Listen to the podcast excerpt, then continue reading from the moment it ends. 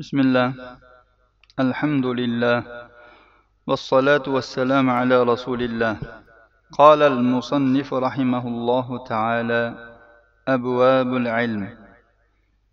ثواب العلم والعلماء وفضلهم. مصنف رحمه الله ilm boblari dedilar va ilm va olimlarning savobi va ularning fazilati. قال الله تعالى شهد الله أنه لا إله إلا هو والملائكة وأولو العلم قائما بالقسط لا إله إلا هو العزيز الحكيم آل إمران 18 آيات alloh subhanahu va taolo oli imronning o'n sakkizinchi oyatida shunday guvohlik berdi. Alloh farishtalar va ahli ilmlari adolat bilan turguvchi alloh taolodan boshqa barhaq ma'bud yo'q. Faqat uning o'zigina barhaq ekanligiga guvohlik berdi. Allohdan boshqa barhaq ma'bud yo'q faqat uning o'zi barhaqdir va u zot aziz va hakim zotdir. Alloh subhanahu va taolo shunday ulug' guvohlik tavhidga birinchi o'rinda o'zi guvohlik berdi. O'zining yolg'iz ekanligiga birinchi o'zi guvohlik berdi. Undan keyin farishtalarni zikr qildi ya'ni allohdan keyin farishtalar guvohlik berganlari undan keyin uchinchi o'rinda ahli ilmlar guvohlik berganligini aytdi. Fazilat va sharaf jihatdan mana shuning o'zi kifoya. Olimlar ham shu uchta guvoh berganlarning uchinchi toifasi bo'lishligi bu juda ham katta fazl parvardigorning o'zi guvohlik berdi undan keyin allohning farishtalari ana undan keyin ahli ilmlar bu juda ham katta fazilatdir ahli ilm bo'lishlikka katta targ'ibdir bu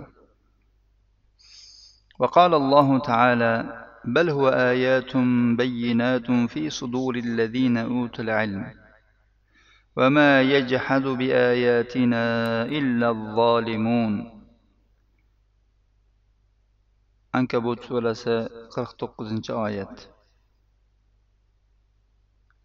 الله تعالى وش آيات بلكي بو قرآن كريم ilmga ega bo'lganlarning qalblaridagi ochiq oyatlardir dedi. Bu oyatlarni ya'ni bizning oyatlarimizni faqat zolim kishilargina inkor qiladilar. Bu ham ahli ilmlarning fazilatiga dalolat qiladi. Bu oyatlar ularning qalblaridadir. ular bu oyatni bilib fahmlab bunga iymon keltirib va buning taqozosida amal qiladilar zolimlar esa bu oyatlarni inkor qiladilar وقال تعالى إنما يخشى الله من عباده العلماء fotir yigirma sakkizinchi oyat alloh taolo ushbu oyatda ta'kid qilib aytyaptiki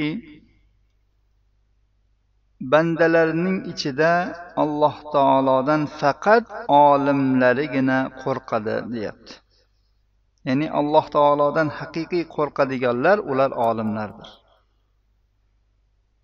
وقال تعالى يرفع الله الذين آمنوا منكم والذين أوتوا العلم درجات والله بما تعملون خبير مجادلة 11 oyat alloh taolo aytadiki alloh sizlarni ichingizdan iymon keltirganlar va ilmga ega bo'lganlarni bir necha darajalarni ko'taradi.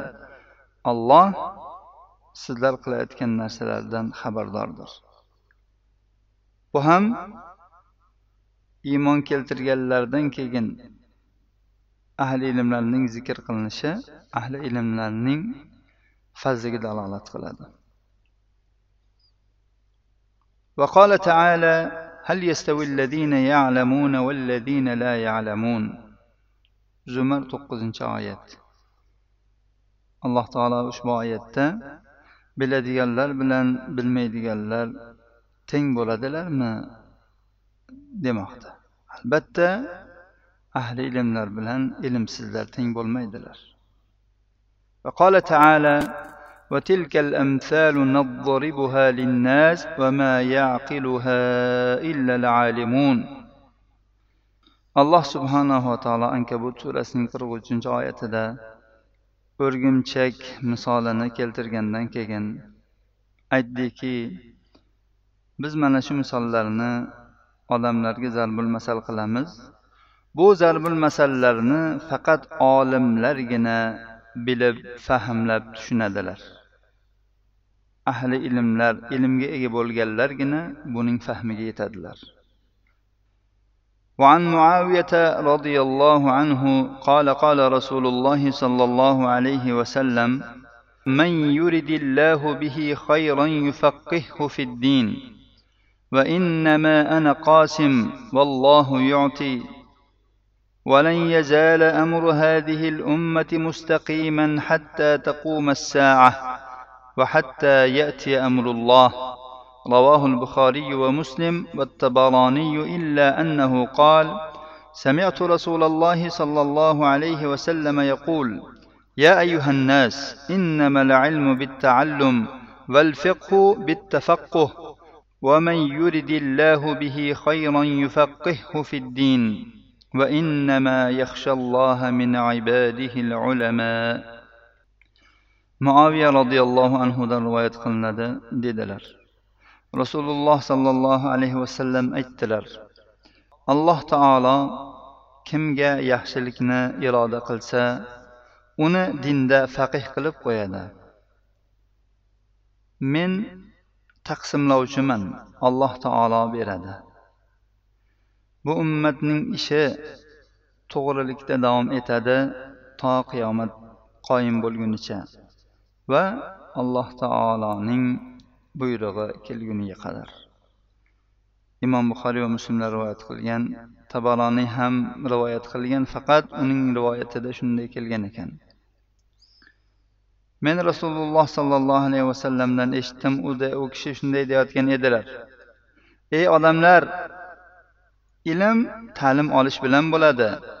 Fiqh faqihlik tafaqquh ya'ni fiqh ilmini o'rganish bilan bo'ladi. Yoki fahm fahmga harakat qilish bilan bo'ladi. Alloh taolo kimga yaxshilikni iroda qilsa uni dinda faqih qilib qo'yadi. Ollohdan bandalarning ichida ulamolargina qo'rqadilar.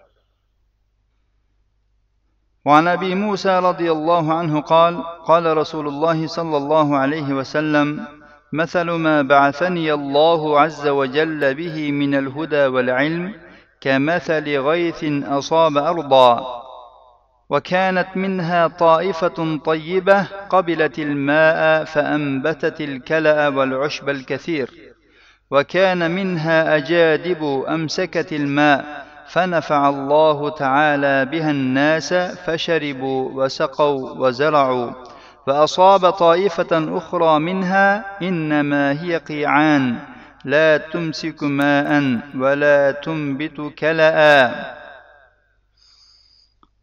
فذلك مثل من فقه في دين الله ونفعه الله بما بعثني الله به فعلم وعلم ومثل من لم يرفع بذلك رأسا ولم يقبل هدى الله الذي أرسلت به. رواه البخاري ومسلم. أبو موسى الأشعري رضي الله عنه در رواية قلنده dedilar rasululloh sollallohu alayhi vasallam aytdilar alloh azza va jalla men bilan yuborgan hidoyat va ilmning misoli bir yerga tushgan yomg'ir misolidir. Bu yerdan bir joyi bor ediki u yaxshi edi. Suvni qabul qildi. Ko'p o't o'lanlarni o'stirdi. Bu yerdan qattiq bir joy bor ediki u suvni ushlab qoldi. Alloh taolo ana shu ushlab qolgan suv bilan yoki ana shu yer bilan odamlarni naflantirdi. Odamlar o'zlari suv ichdilar hayvonlarini sug'ordilar va ekin tekinlar ekdilar. Yana bir joyga yana bir yerga bu yomg'ir yetgandiki u tep tekis edi. Suvni ushlamas edi va o't o'lan ham o'stirmas edi. Mana shu allohning dinida faqih bo'lgan va alloh taolo men bilan yuborgan narsa bilan uni naflantirgan o'zi ta'lim olib boshqalarga ham ta'lim bergan odamning va bu narsaga bosh ko'tarib qiyo boqmagan va alloh taolo men bilan yuborgan hidoyatni qabul qilmagan kishining misolidir. Imom buxoriy va muslim rivoyatlari. وعن ابن مسعود رضي الله عنه قال قال رسول الله صلى الله عليه وسلم لا حسد إلا في اثنتين رجل آتاه الله مالا فسلطه على هلكته في الحق ورجل آتاه الله الحكمة فهو يقضي بها ويعلمها رواه البخاري ومسلم ibn masud roziyallohu anhudan rivoyat qilinadi dedilar rasululloh sollallohu alayhi vasallam aytdilarki faqat ikkita narsada havas qilsa bo'ladi bir odamga alloh taolo mol bergan u uni haq yo'lda sarflaydi va yana bir odamga alloh taolo hikmatni ya'ni ilmni bergan u ana shu ilm bilan hukm qiladi va uni odamlarga ta'lim beradi imom buxoriy va muslimlar rivoyatlari عن كثير بن قيس قال كنت جالسا عند ابي الدرداء في مسجد دمشق فاتاه رجل فقال يا ابا الدرداء اتيتك من المدينه مدينة رسول الله صلى الله عليه وسلم. لحديث بلغني أنك تحدث به عن النبي صلى الله عليه وسلم. قال فما جاء بك تجارة؟ قال لا. قال ولا جاء بك غيره؟ قال لا. قال فإني سمعت رسول الله صلى الله عليه وسلم يقول من سلك طريقا يلتمس فيه علما سهل الله له طريقا إلى الجنة. وإن الملائكة لتضع أجنحتها رضا لطالب العلم. وإن طالب العلم يستغفر له من في السماء والأرض. حتى الحيتان في الماء. وإن فضل العالم على العابد كفضل القمر على سائر الكواكب. إن العلماء هم ورثة الأنبياء. إن الأنبياء لم يورثوا دينارا ولا درهما. إنما ورثوا العلم. فمن أخذه أخذ بحظ وافر. رواه أبو داود وابن ماجه.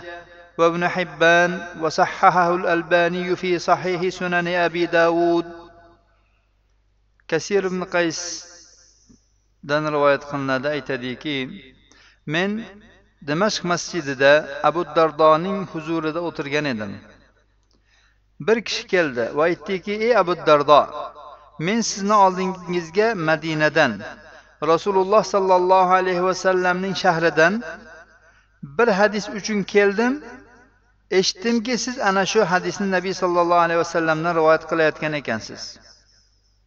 Abu dardo aytdiki seni tijorat olib kelmadimi? Ya'ni tijorat uchun kelmadingmi?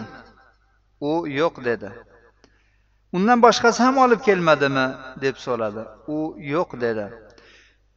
Aytdiki abu dardo aytadi men rasululloh sollallohu alayhi vasallamdan shunday deganlarini eshitdim. Kim?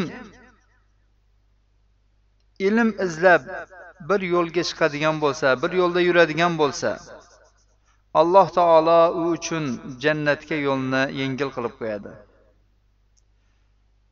Farishtalar tolibi ilmga rozi bo'lib qanotlarini qo'yishadi. Ilm talab qiluvchiga osmondagilar va yerdagilar. Hatto suvdagi baliqlar ham istig'for aytadi. Olimning obidga bo'lgan fazli xuddi oyning boshqa yulduzlarga bo'lgan fazli kabidir. Ulamolar ambiyolarning merosxo'rlaridir ambiyolar dinor ham dirham ham meros qoldirmadilar. Balki ular faqat ilmni meros qoldirdilar. Kim bu merosni olgan bo'lsa juda ham katta juda ham yetarlik mulkul ulushni olibdi. Abu dovud ibn maja va ibn hibbonlar rivoyat qilgan bu hadisni alboniy sahih sunan abi dovudda uch ming to'qson oltinchi raqam bilan buni sahih sanaganlar. وعن ابي هريره رضي الله عنه قال سمعت رسول الله صلى الله عليه وسلم يقول الدنيا ملعونه ملعون ما فيها الا ذكر الله وما والاه وعالما أو متعلما رواه ابن ماجه والترمذي وقال حديث حسن abu hurayra roziyallohu anhudan rivoyat qilinadi. Dedilar men rasululloh sollallohu alayhi vasallamdan shunday deb aytayotganlarini eshitdim. Dunyo la'natlangandir va dunyodagi hamma narsa mal'undir. Faqat bundan allohning zikri va unga tobe bo'lgan narsalar olim va ta'lim oluvchigina mustasnodir. Allohning zikriga tobe bo'lgan narsalar alloh taoloni buyruqlariga amal qilish qaytaralardan qaytish va alloh taologa toat ibodat qilishdir. Ibn moja va termiziylar rivoyat qilgan ekanlar termiziy bu hadisni hadisun hasan deb hukm qilganlar shayx alboniy ham sunan ibn mojaning sahihida uch ming uch yuz yigirmanchi raqam bilan bu hadisni hasan sanaganlar. وعن أبي أمامة رضي الله عنه قال ذكر لرسول الله صلى الله عليه وسلم رجلان. أحدهما عابد والآخر عالم. فقال رسول الله صلى الله عليه وسلم فضل العالم على العابد كفضلي على أدناكم. ثم قال رسول الله صلى الله عليه وسلم إن الله وملائكته وأهل السماوات والأرض حتى النملة في جحرها وحتى الحوت في البحر ليصلون على معلم الناس الخير. رواه الترمذي وقال حديث حسن صحيح. أبو أمام رضي الله عنه دروات قلنا ديدل رسول الله صلى الله عليه وسلم من حزور دا إك آدم ذكر قلن دا ولردن بر عابد إكنتسي إسا عالم رسول الله صلى الله عليه وسلم أيتلر كي olimning obidga nisbatan fazli ortiqligi mening sizlardan eng past kishiga nisbatan fazlim kabidir. So'ngra rasululloh sollallohu alayhi vasallam dedilar alloh subhanahu va taolo uning farishtalari samovat va yer ahli hattoki chumoli o'z inida va dengiz ichida baliq ham. Odamlarga yaxshilikni ta'lim beruvchiga salovat aytadilar. Termiziy rivoyati. Shayx alboniy sahihul jamiyada buni sahih deganlar. Demak yuqorida keltirganlarimiz oyatlar va rasululloh sollallohu alayhi vasallamning hadislari. Ilm va ulamolarning savoblari va ularning fazilatlariga dalolat qiladigan oyatlar va hadislar edi. Shulardan kelib chiqib olimlarning qadrini bilaylik va har birimiz olim bo'lishga intilaylik. هذا وصلى الله على نبينا محمد وعلى آله وصحبه وسلم.